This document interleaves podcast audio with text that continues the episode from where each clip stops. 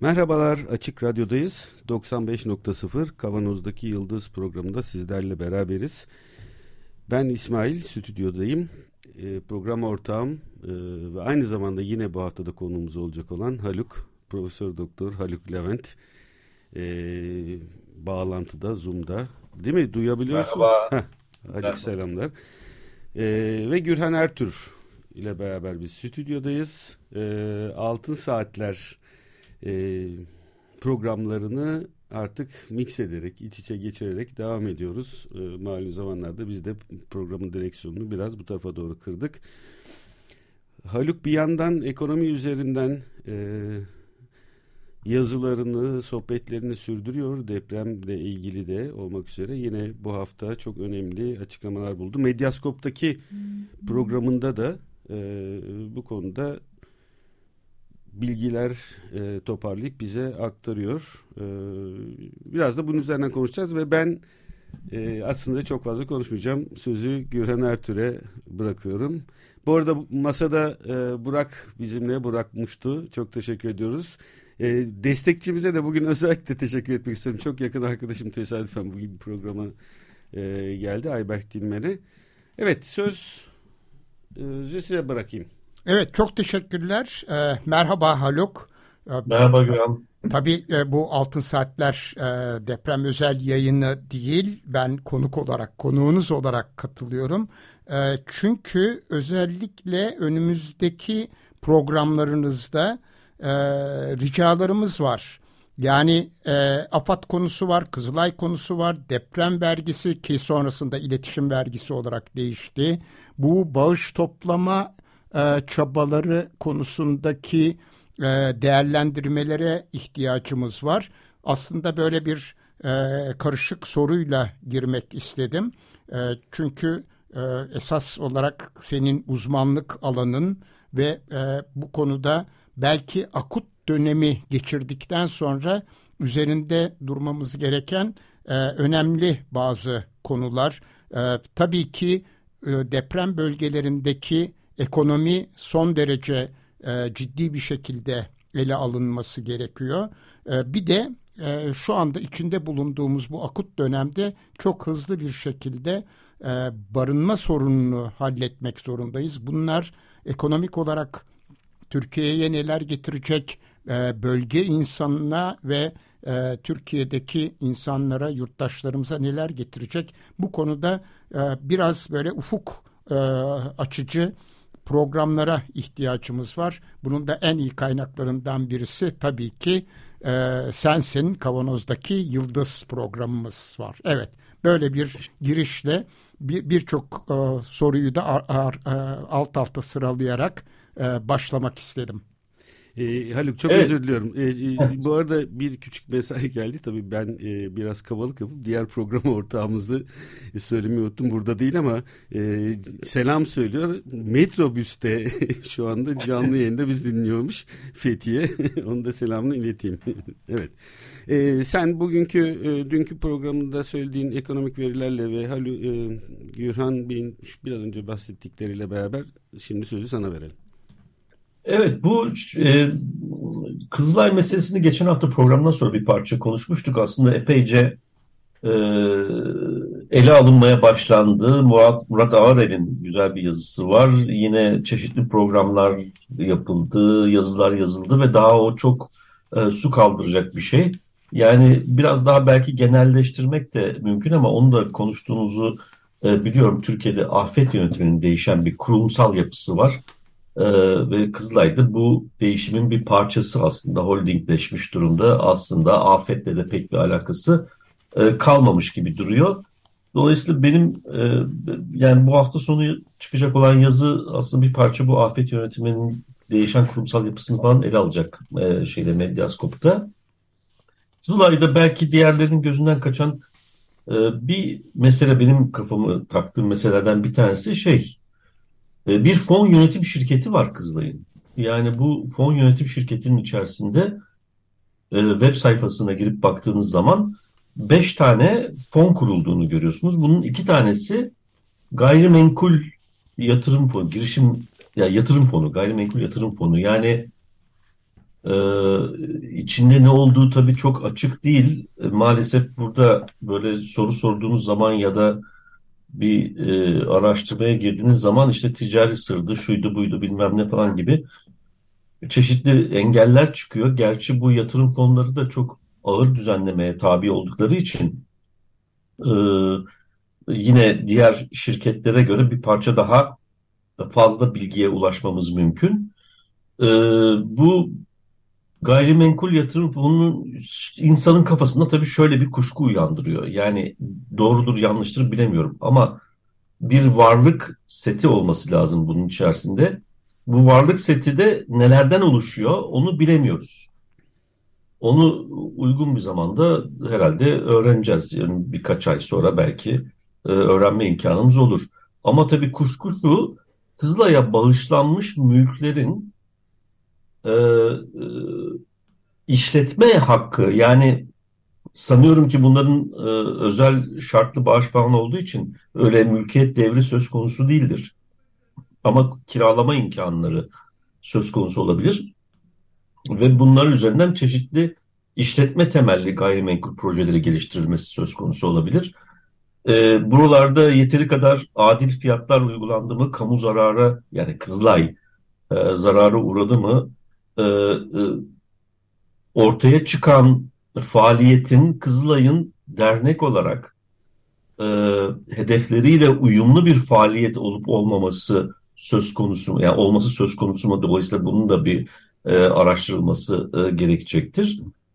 Üç tane de girişim fonu var. Bu üç, üç girişim fonundan bir tanesi biyoteknoloji e, alanında çalışan şirketlere ilişkin bir girişim fonu. Yani girişim fonu olunca var olan bazı şirketlere e, şey yapmak gerekiyor. İşte yatır, yatırımcı olmak gerekiyor. Onları destekleyip büyütmek ve buradan da işte varlık fiyatlarının artması sonucunda da e, bir finansal getiri elde etmek.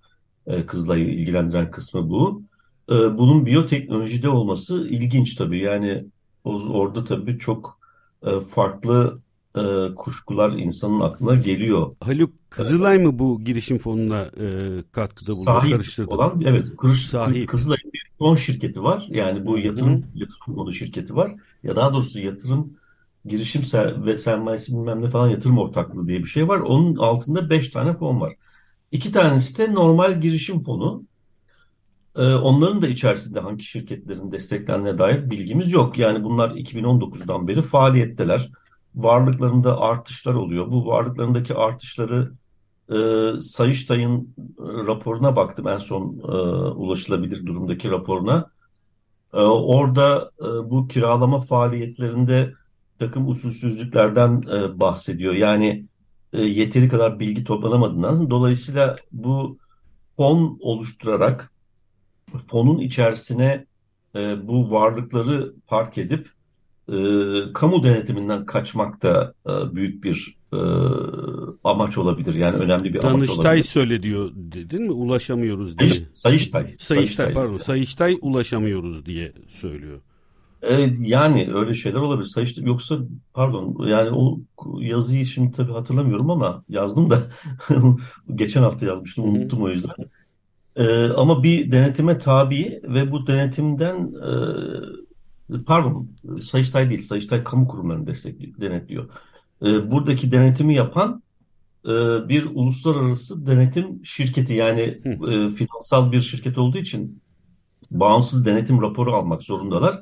O bağımsız denetim raporunun e, temel cümlesi şuydu yani özet cümlesi sınırlı e, olur vermişler sınırlı olur vermesine neden olan faaliyetler de işte bu bazı rakamların açık olmaması tam olarak. Yani bunun kapsamında ne var, e, usule uygun mu değil mi o konulara dair görüş oluşturamadıkları için e, sınırlı ve kiralama işlemleri de bunlardan bir tanesiydi. Bu gerekçelerden bir tanesiydi. O, o denetim raporunun hemen giriş sayfasında e, görülüyor bu zaten. Bu kızlar mevzusunun önümüzdeki zamanlarda da e, Gülen Bey söylediği gibi devam edeceğiz zaten. Ama ben evet, bir evet. şeyi tekrar söylemek sormak istiyorum. Şimdi bir e, varlık fonu dedin galiba. Ondan sonra Kızılay dedin. Bir, Bunlar kamu kuruluş. Ha yani ilk sohbetin başında özür dilerim. Dernek olduğu için ha bunlar e, kamu kuruluşu dernek şirket mi? kuruyor. Şirket kurduğu için de özellikle finansal şirket yani yatırım fonu olduğu için e, de, bağımsız denetim raporu almak zorunda. Bu bağımsız denetim raporunun e, en son 2021'de alınmış galiba. E, ben sanki evet, şey gibi zannediyorum da dinleyenler de herhalde Kızılay bir kamu kuruluşu değil. Değil, değil. Dernek. Derneğin işletme şir, şirket kuruyor. Şirket olduğu için de e, bizden bir, saklayabiliyorlar değil mi bu durumda belgeleri? Ya evet da... ama bağ, finansal şirketlerin bağımsız denetim raporu alma gibi bir şeyleri var. Özellikle çok e, takip ediliyor çünkü bunlar. Bir de fon kurmuş durumda oldukları için o fonun da e, denetim standartları yüksek. E, ama o fonun içerisinde ne olduğunu bilemiyoruz tabii.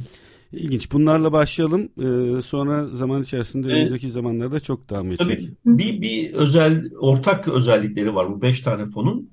Beş fonun yönetim kurulu e, var. Her birinin yönetim kurulu başkanı Kızılay'ın başkanı.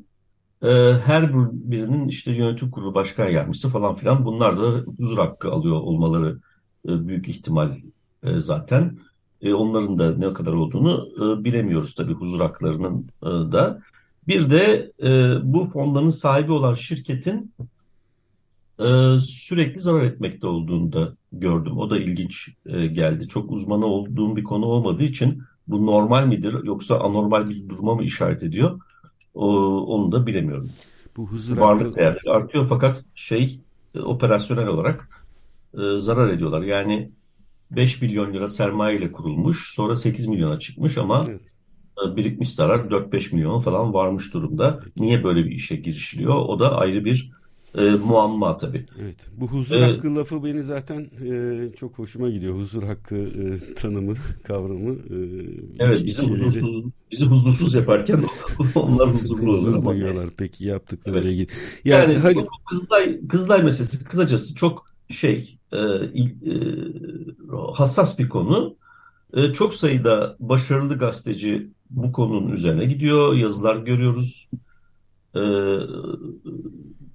ve Kızılay'ın basın bürosu da iyi çalışıyor. Ee, ben de bir, bir buçuk yıl önce bir yazı yazmıştım. Hemen e, cevap verdiler falan. E, Murat Ağrel'e de anladığım kadarıyla şey yapmışlar. Cevap vermişler. E, cevap vermişler. Böyle bir diyalog şeklinde gidiyor yani o Kızılay Peki. meselesi. Şimdi, ee, onu geçebiliriz. Evet. E, dün de bahsetmişsiniz Medyaskop'ta. E, bu depremin şu anki ekonomik bilançosu üzerinden evet. e, sizin elinizdekileri e, paylaşalım. Çünkü zamanla artık e, yol açtığı zararlar ve benim ısrarla üstünde durduğum inşallah günün birinde bu rakamlara da ulaşırız. Eğer tedbir alınsaydı ne kadar maliyet gerçekten sağlam, iyi, e, uygun tedbirler alınsaydı ne kadar maliyete yol açacaktı? Elbette insani boyutunu söylemiyorum şu anda. Yani bu ne olur dinleyenler af etsin. E, buraya karşı duyarsızlığımızdan değil. E, fakat sadece bu kısmından bahsetmek için söyledim. E, eğer şey yeterli önlemler alınsaydı ne kadar harcanırdı? Şimdi ne kadar bir maliyet, ekonomik maliyet çıktı? İlk soruya bırakalım şu anki ekonomik maliyetten e, bahsedelim. Evet yani şu anda o tabii kolay değil e, hazırla şey yapmak, e, hesaplamak ama önce bir kavramsal olarak ne anlama geldiğinden bahsedelim. Yani bu maliyeti daha doğrusu hesaplarken onun çok boyutlu bir hesap olduğunun altını çizmek lazım. Şimdi burada bir servet etkisi var. Yani pek çok insan e, kredili, kredisiz neyse bir şekilde ev sahibiydi. O ev e, hanelerin şeyinde gözüküyordu. Servet stoğunda gözüküyordu ve bir anda bu harap oldu. E, aşağı yukarı yarısının zaten e, DASK veya benzeri bir sigortayla koruma altında olmadığını biliyoruz. E, DASK'ın da sınırlı bir e, koruma sağladığını biliyoruz. Çünkü galiba maksimum 500-600 e, bin lira gibi bir rakam alınabiliyor ki o rakamla o evi, daireyi neyse tekrar yerine koymanın imkanı yok. Dolayısıyla e, çok büyük bir servet etkisi e, yaşandı. O, o bir kenarda ve bunun miktarının da çok yüksek olduğunu biliyoruz. Yani ilk hesaplamalar, kabaca yapılan ilk hesaplamalara göre yani 100 milyarın hatta bir 2 200 milyar civarında falan e, hesaplayanlar var. 100 milyardan aşağı değildir diye hesap yapanlar var. E, ama bunlar e, stokta bir problem yani stok değişkeninde bir problem yarattığı için görece ekonomik işleyişe çok böyle etkisi e, olmayacak e, bir şeydir. Yani bireyleri çok fena etkiliyor. insanların yoksullaşmasına, orta sınıfın yoksullaşmasına özellikle neden oluyor. Yoksulların daha da kötü duruma düşmesine neden oluyor. E, bir bu yönü var. E, iki işletmeler açısından bakacak olursak, işletmelerde de e, bir fiziki sermayede yıpranma var. Hadi o çok e, büyük değildir ekonominin bütününü düşündüğümüz zaman. Fakat burada e, işletme sermayelerinde de çok güçlü bir çöküş oldu. Yani onlar da bir iki e, bölgede Antakya, Maraş gibi yerlerde, Adıyaman gibi yerlerde sıfırlanmış durumda. Dolayısıyla bunun da yarattığı büyük bir şey var. Fakat e, uzun döneme yayılacak en ciddi ve en büyük felaket e, yetişmiş iş gücünün süratle bölgeden uzaklaşması olduğu. Yani bunu e, eğer izlemeyen, e, dinlememiş izleyicilerimiz varsa onlar e, izleyebilirler. E, Perşembe günü sabah 9-9.30 arası e, Açık Gazete'de e, Seyfettin Gürsel'in programı olurdu. Seyfettin Gürsel e, bizim Galatasaray'dan öğrencimiz olan Ozan şimdi profesör oldu. Ee, Ozan Bakış'ı konuk aldı. Ozan Bakış Malatyalıdır. Malatya'da ailesinin yanındaydı ev, evle ilgili. Onların da ev yıkılmış. Can kaybı yok çok şükür ama e, baya bir ev yıkılmış şu bu. Onun doğrudan doğruya sahadan yaptığı bir iktisatçı bakış açısıyla sahadan yaptığı gözlemler var ki o çok ciddi bir probleme e, işaret ediyor. E, nitelikli iş gücünün göç etmesi mesela Ozan'ın iki kardeşinden ikisi daha doğrusu iki kardeşi göç etmişler hemen bir tanesi kesin gelmeyecek diyor, bir tanesi de büyük ihtimalle gelmeyecek diyor ki bunlar da işte has sağlık sektöründe şurada burada falan çalışan yetişmiş iş gücü. Şimdi bir bölgeden yetişmiş iş gücünün e, çıkması, göç etmesi zaten o bölgede sınırlıydı yetişmiş iş gücü. E, büyüme sürecinin tamamen durmasını e, neden olur. Dolayısıyla burada büyüme süreci derken e, e, oranın tekrar toparlanmasının önünde çok büyük bir engel olur. Dolayısıyla burada e, iktidarın e, önümüze koyduğu toparlanma planı e, bina inşaatlarından ibaret. Yani inşa edeceğiz, destekleyeceğiz, şöyle olacak, böyle olacak gibi. Şimdi bu verileri dikkate almadan hassas bir planlama yapmaksızın yani önümüzdeki gelişme patikası orayı tekrar ayağa kaldıracağız, tekrar iktisadi faaliyetin altyapısını oluşturacak şekilde e, sadece fiziki altyapının düzeltilmesi değil, e, bütün boyutlarıyla iktisadi faaliyetin nasıl canlanacağına dair e, düzgün bir plan ortaya konulmazsa e, mümkün değil. Yani onu ben e, ağır ekonomide çarşamba günü şeye benzettim. Yani böyle bir e, bir iki yan yana iki diş diyelim ya da işte aynı tarafta iki dişin çekildiğini düşünün. Ağzınızda bir boşluk olur ve orada o bölümün fonksiyonu yerine getirmesi mümkün değil aslında aslında şöyle de bir eşitsizlik de oluşuyor. İşte orada çiğnemeyi e, gerçekleştiremediğimizde ne yapıyoruz? Öbür tarafa e, çiğniyoruz. Ekonomide de böyle. Orada bir boşluk oluştu ama orada oluşan boşluğun, üretim boşluğunun e, başka bölgelerde iktisadi faaliyetin birazcık artmasıyla orta uzun vadede çözülmesi mümkün. Ama o boşluk o bölgede kaldığı sürece o bölgede insanların hayatlarını devam ettirmesi için çok büyük bir e, sorun açısından çok büyük bir sorun ortaya çıkıyor. Dolayısıyla e, bunun e, çok titizlikle ince plan yani gerçekten bütün boyutlarıyla iktisadi şehir planlaması işte e, pek çok disiplini bir arada çalıştırması çalışacak bir gelişme planıyla beraber ele alınması ve ondan sonra o fiziki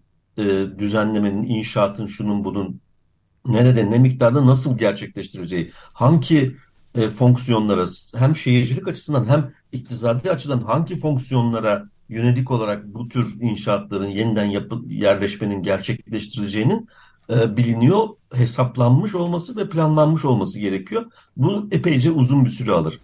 E, şöyle bir şey de söyleniyordu. Yine ağır ekonomide aldık bunu bir etki olarak.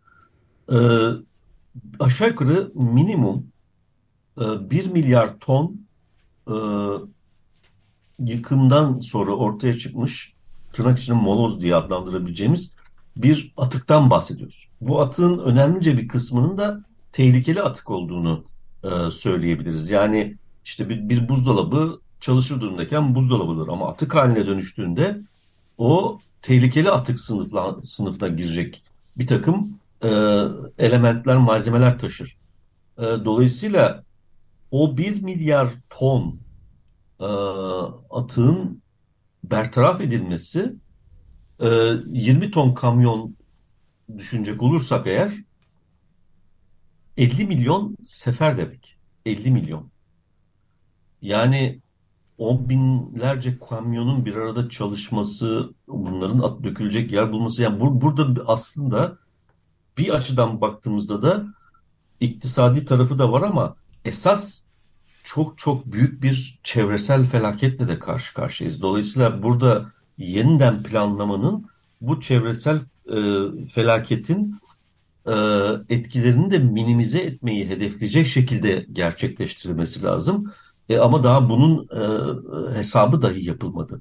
Yani bu bu bu nereye dökülecek, nasıl olacak, nasıl kaldırılacak, e, nasıl ayrıştırılacak yerinde, e, bu işi kimler yapacak? Evet. Bütün bunlar e, çok çok büyük bir e, maliyetle karşı karşıya olduğumuzu gösteriyor. Ben sadece yani bir web sayfasındaki fiyatlardan yola çıkarak e, sadece bu atığın taşınması yani ayrıştırılmasını falan vazgeçtim. Sadece kamyonla taşınması bile 2 milyar dolar civarında bir e, paraya tekabül ediyor. E, şimdi senin soruna gelecek olursak e, bütün bu hasarlar, bütün bu can kayıpları, şunu bunu falan düşünecek olursanız ölçüsüz bir maliyetle karşı evet. karşıyayken bu maliyete hiç maruz kalmamamızın e, maliyeti diyelim. Yani bu, bu, bu, bu deprem öncesinde gerçekleştirilecek olan işlemlerle e, bütün bunların olması, bütün bu yüksek büyük yıkımın olması engellenebilirdi. E, ve bu çok çok daha ucuza halledilebilecek bir şeydi. Çünkü işte o, o gün bugündür e, yerinde dönüş destekleme yani böyle yıkıp yapmak bir çözüm ama yıkıp yapmadan da destekleme yoluyla e, bu, bu, bu meselenin son derece ucuza yani göreceli olarak ucuza halledilebileceğini görmüş oluruz. Dolayısıyla evet. buradan yola çıkacak olursak İstanbul'da İstanbul'da muhtemel deprem için bir stratejik belirlenecekse bu stratejinin kesinlikle ve kesinlikle deprem öncesini planlamak şeklinde olması e, gerektiği net olarak. Evet Haluk e, iki dakikamız kalmış. Basından Burak da işaret ediyor. E, öncelikle küçük bir şeyi tekrar söylediklerini toparlı yani toparlamak haddime değil de ilgimi çeken noktayı buradaki maliyet hesabı e, yıkılan evle ilgili değil e, doğurdukları e, bir sürü yeni planlama gerektiren alanlarıyla beraber çok büyük bir alan. İkincisi de yeniden planlama derken işte Açık Radyo'da birçok konuk e, peş peşe e, anlatıyor. Kadın, çocuk e, bakımından, kadın ihtiyaçları bakımından tutun da eğitime kadar iş sahalarından işte harfiyatın dökülmesine kadar bunların hepsinin yeniden planlanması çok değişik alanlarda birlikte yeniden planlanması yapılması gerektiği çok çok bariz ben açıkçası bu kadar detaylı düşünmüyordum. Açık Radyo'da dinledikçe e, fark ediyorum. Bunu da tekrar altını çizmek gerekiyor. Bu yeniden planlamanın bütün detayları hakim olacak şekilde e, yapılması olabildiğince. Evet e, açtık programı kapatıyoruz. E, Günhan 6 saatlerle birlikte yapmaya çalışıyoruz. Malum bizim formatımızın dışında. Ee, çok teşekkürler Haluk. Ee, Sağ olasın Haluk. Teşekkürler. Ben son olarak bir şey söylemek istiyorum. Bu bugün Cumhurbaşkanlığı kararnamesi yayınlandı. Kararname numarası 126 olarak olağanüstü hal, hal kapsamında yerleşme ve yapılaşmaya ilişkin Cumhurbaşkanlığı kararnamesi olarak e, buna da bir bakmakta fayda var.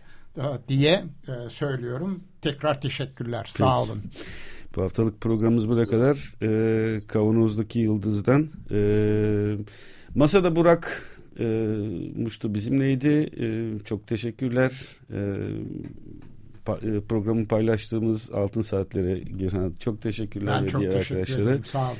E, burada olması da Fethiye, e, Haluk ve ben İsmail'den selamlar. Dinleyicimize de ayrıca e, çok teşekkür ediyoruz. Ayberk Dilmen'e sağ olsun. Önümüzdeki haftalarda tekrar görüşmek üzere. Hoşçakalın.